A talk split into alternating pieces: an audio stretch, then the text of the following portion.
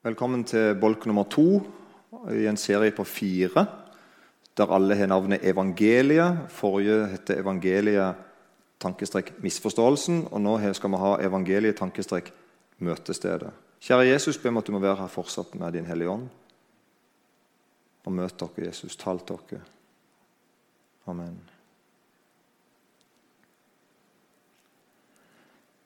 Mange tenker omtrent sånn om himmelen og jorda, som jeg øyeblikkelig skal lage en slags strektegning av på min powerpoint. Mange tenker omtrent sånn om himmelen og jorda og hvor Gud og vi er. Så hvis vi tenker, tenker en, en, en, runding, en sirkel, som er tegnet til venstre på ei tavle, og så kaller vi det for himmelen, og da tenker jeg på altså, alt som på en måte hører Gud til. Og så tegner vi opp en ny sirkel som er har en distanse til den andre sirkelen. Det er to, to separate sirkler på ei tavle. Som da heter jorda. Det representerer på en måte meg og deg og livet her som vi lever. Så mange tenker at sånn er det, at himmel og jord er skilt. Gud og menneskene er skilt. Og rett og slett med et, et skille. Det er et svelg mellom oss. Men når Jesus sier at Guds rike er kommet nær til oss da vil dette bildet jeg nå tegner opp, der det er to separate sirkler med, med en vegg imellom, da vil den tegningen ikke virke, kunne virke lenger. For Jesus han sier rett og slett at Guds rike er kommet nær. Det hørte vi om i forrige time. da han sier det rett ut. At Guds rike er kommet nær. Omvend dere og tro på evangeliet. Da blir tegningen egentlig sånn at vi får to sirkler som er borti hverandre overlapper hverandre. Det er, det er kontakt mellom himmelen og jorda. hvis du skjønner. De overlapper hverandre med noen, med noen, centimeter. De er ikke identiske, men de, de, møtes. Ser du? Når Jesus gikk på jorda så var det, Når vi leser om han i Det nye testamentet, når han gikk fysisk på jorda, så var det akkurat som om himmelen var i nærheten av menneskene. Folk ble helbreda, døde sto opp ifra grava, folk ble trøsta, og mange fikk livsmotet tilbake. Himmelen møtte jorda. Jesus kom ned, og han forkynte himmelens rike og Guds rike er nær. Bibelen forteller om en gang da jorda og himmelen, altså de to sirklene jeg har tegna, var faktisk helt ett, var identiske. Edens hage. Alt var godt den gang. Alt. Det var en harmoni mellom alt det skapte. Mellom, mellom menneske og dyr, mellom dyr og dyr, og mellom Gud og menneske. Alt var i harmoni. Og Da blir tegningen sånn. Det blir bare én tegning. Én sirkel som, som, det står både himmel og jord på. Sånn var det en gang. Adam og Eva sitt fall, det at de brøt med Gud, skapte et skille. Og Da har vi denne tegningen altså med to kloder og med et strek imellom. altså Et totalt skille, der du får enorme motsetninger. Det som hører Gud til, det som da representerer himmelen her, på tegningen min. Der er det evig liv, alt er godt, alt er rent. Og På den andre sida av jorda der er det død og sykdom, ondskap og mørke og ufred. I Det gamle testamentet så leser vi om at Gud lager en møteplass for han og menneskene.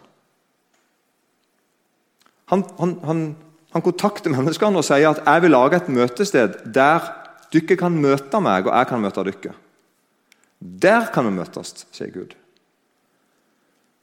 Og De to mest kjente om det er jo tabernakelet, altså en slags teltversjon av et tempel som de hadde med seg i, i, allerede i, i, ørkenen.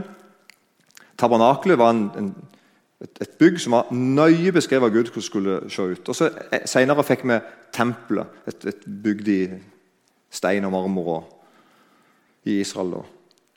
Men altså, dette var møteplassen som Gud nøye instruerte. Tabernakelet er nøye beskrevet av Gud, ned til minste detalj. Og så leser vi altså om det aller helligste. Et hellig sted inni det hellige stedet. Altså hellig-hellig. Aller helligste sted.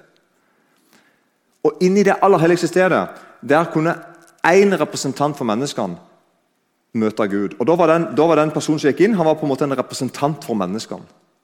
Og så gikk han inn i det aller helligste en gang i året. Helt detaljerte instrukser fra Gud hvordan han skulle gjøre det. Og Denne personen som gikk inn, han måtte skjule seg i blodet av et uskyldig lam. For Denne personen var ikke selv tvers igjennom god eller Han fortjente ikke å møte Gud sånn i, i, i kraft av å være prest eller ypperste prest. Nei, han måtte slett skjule seg i, i blodet av et uskyldig lam. Og I kraft av at Gud hadde ordna det sånn, så kunne altså blodet fra et uskyldig dyr fungere som soning. Og soning skjønner vi hva er. ikke sant? Soning er på en måte at Hvis jeg blir tatt for å ha gjort noe galt, så blir jeg satt i fengsel, og så soner jeg straffa mi, og så er jeg ferdig. Gud tilbyr meg en soning. At, altså at en uskyldig soner min straff. Så jeg får en ferdig, en ferdig sona straff. altså jeg, jeg, jeg, er fri. Sånn gjorde Gud det. At eh, dyr kunne bli ofra, og så kunne de uskyldige dyrene fungere som en soning. Og enda bedre, blodet kunne sone hele folket sine synder, ikke bare han presten som gikk inn. Så han presten var på en måte bare en representant for folket. Og så opplever vi da altså at På den måten kunne Gud komme ned og gi tilgivelse. Han kunne tilgi folket sine synder overfor han, og han kunne lære dem å tilgi hverandre. Han kunne etablere vennskap igjen, og han kunne etablere et samfunn rett og slett, som fungerte. Men Gud kom ned, akkurat som om himmelen kom ned. Guds tempel er egentlig Guds ord om hvordan de skulle bygge en bygning. Det er nummer én.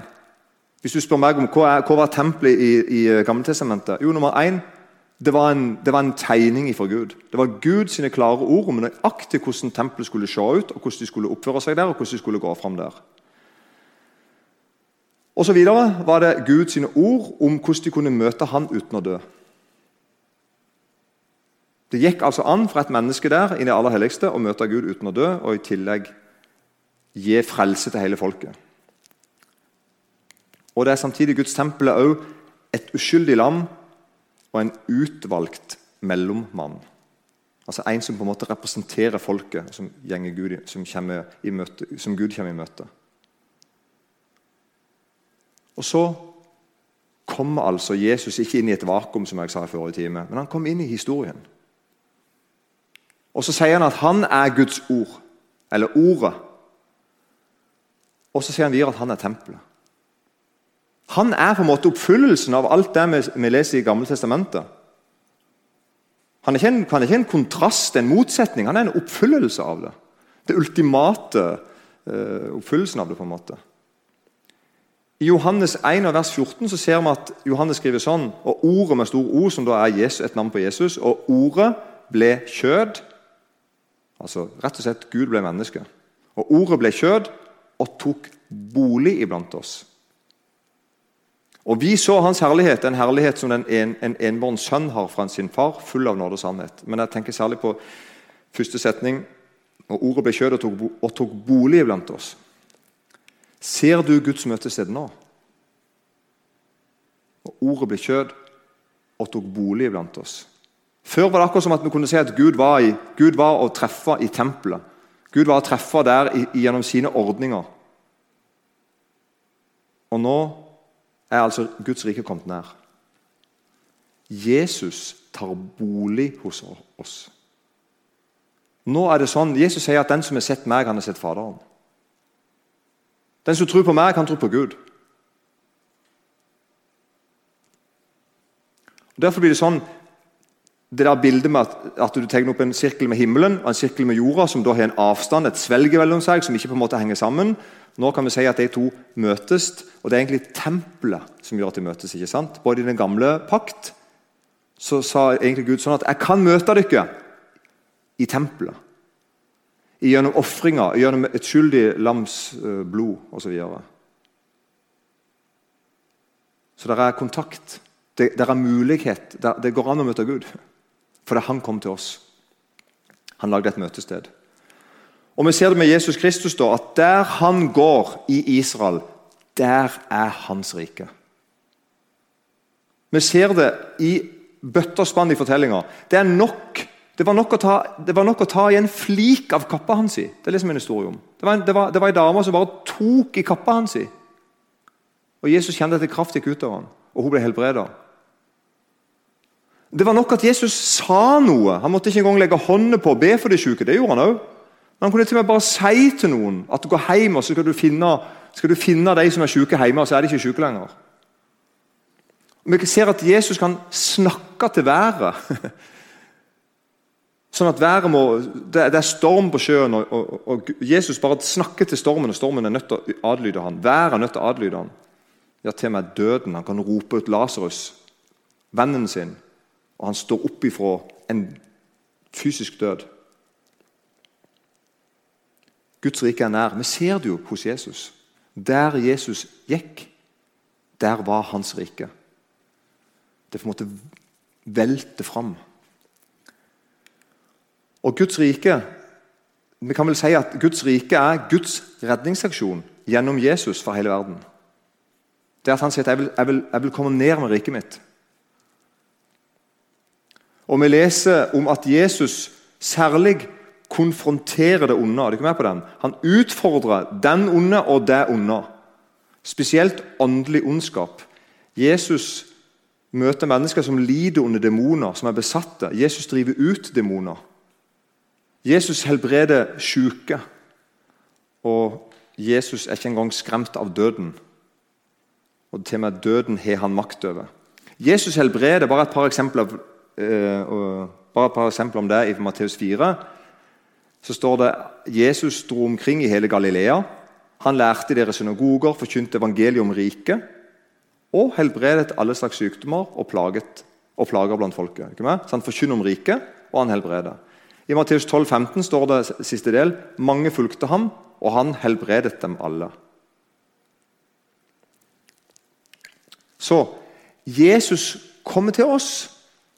Han bringer med seg sitt rike til oss. Det er jo det han forteller. Matteus 3, 2. Han sa, 'Omvend dere, for himmelens rike har kommet nær'. Og Jesus gjenoppretter Guds rike, som da nå er en familie av mennesker som vil ha han som konge i livet sitt som vil adlyde han, som vil tro på ordet hans sitt, og som vil følge han. Og Jesus, når han skal lære sine disipler å be, også, vi som er disiplene hans i dag, når, Jesus skal lære oss hvordan skal vi be Ikke bare sånn, hvilke ord skal vi bruke, men hva skal vi be om? Hva skal vi be til deg om Gud? Da sier han rett og slett sånn Matteus 6, 9. Slik skal dere da be, sier Jesus.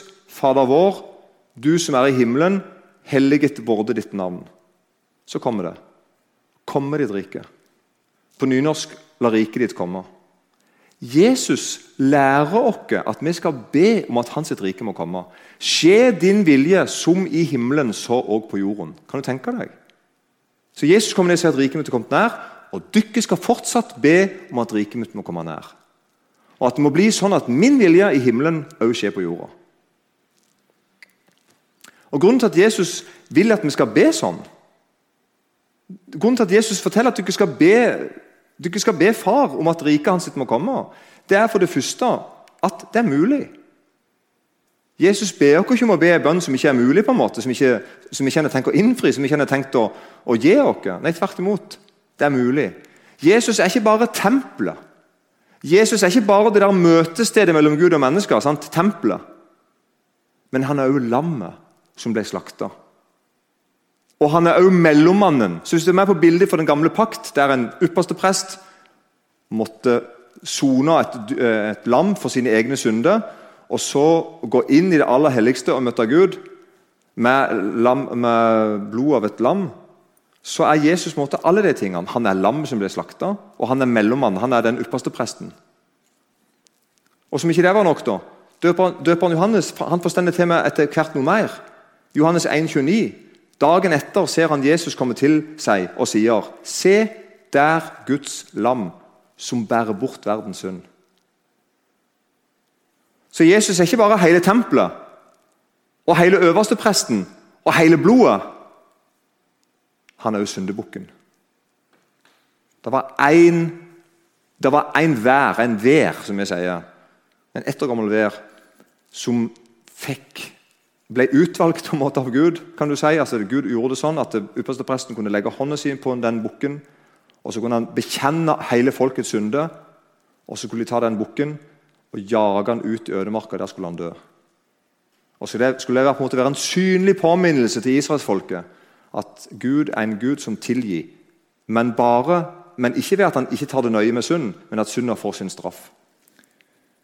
Det må en syndebukk til Jesus er syndebukken òg. Himmel og jord møtes i Kristus. Himmel og jord møtes i Kristus. Uten at noen andre enn han sjøl dør. Guds rike er nær meg og deg.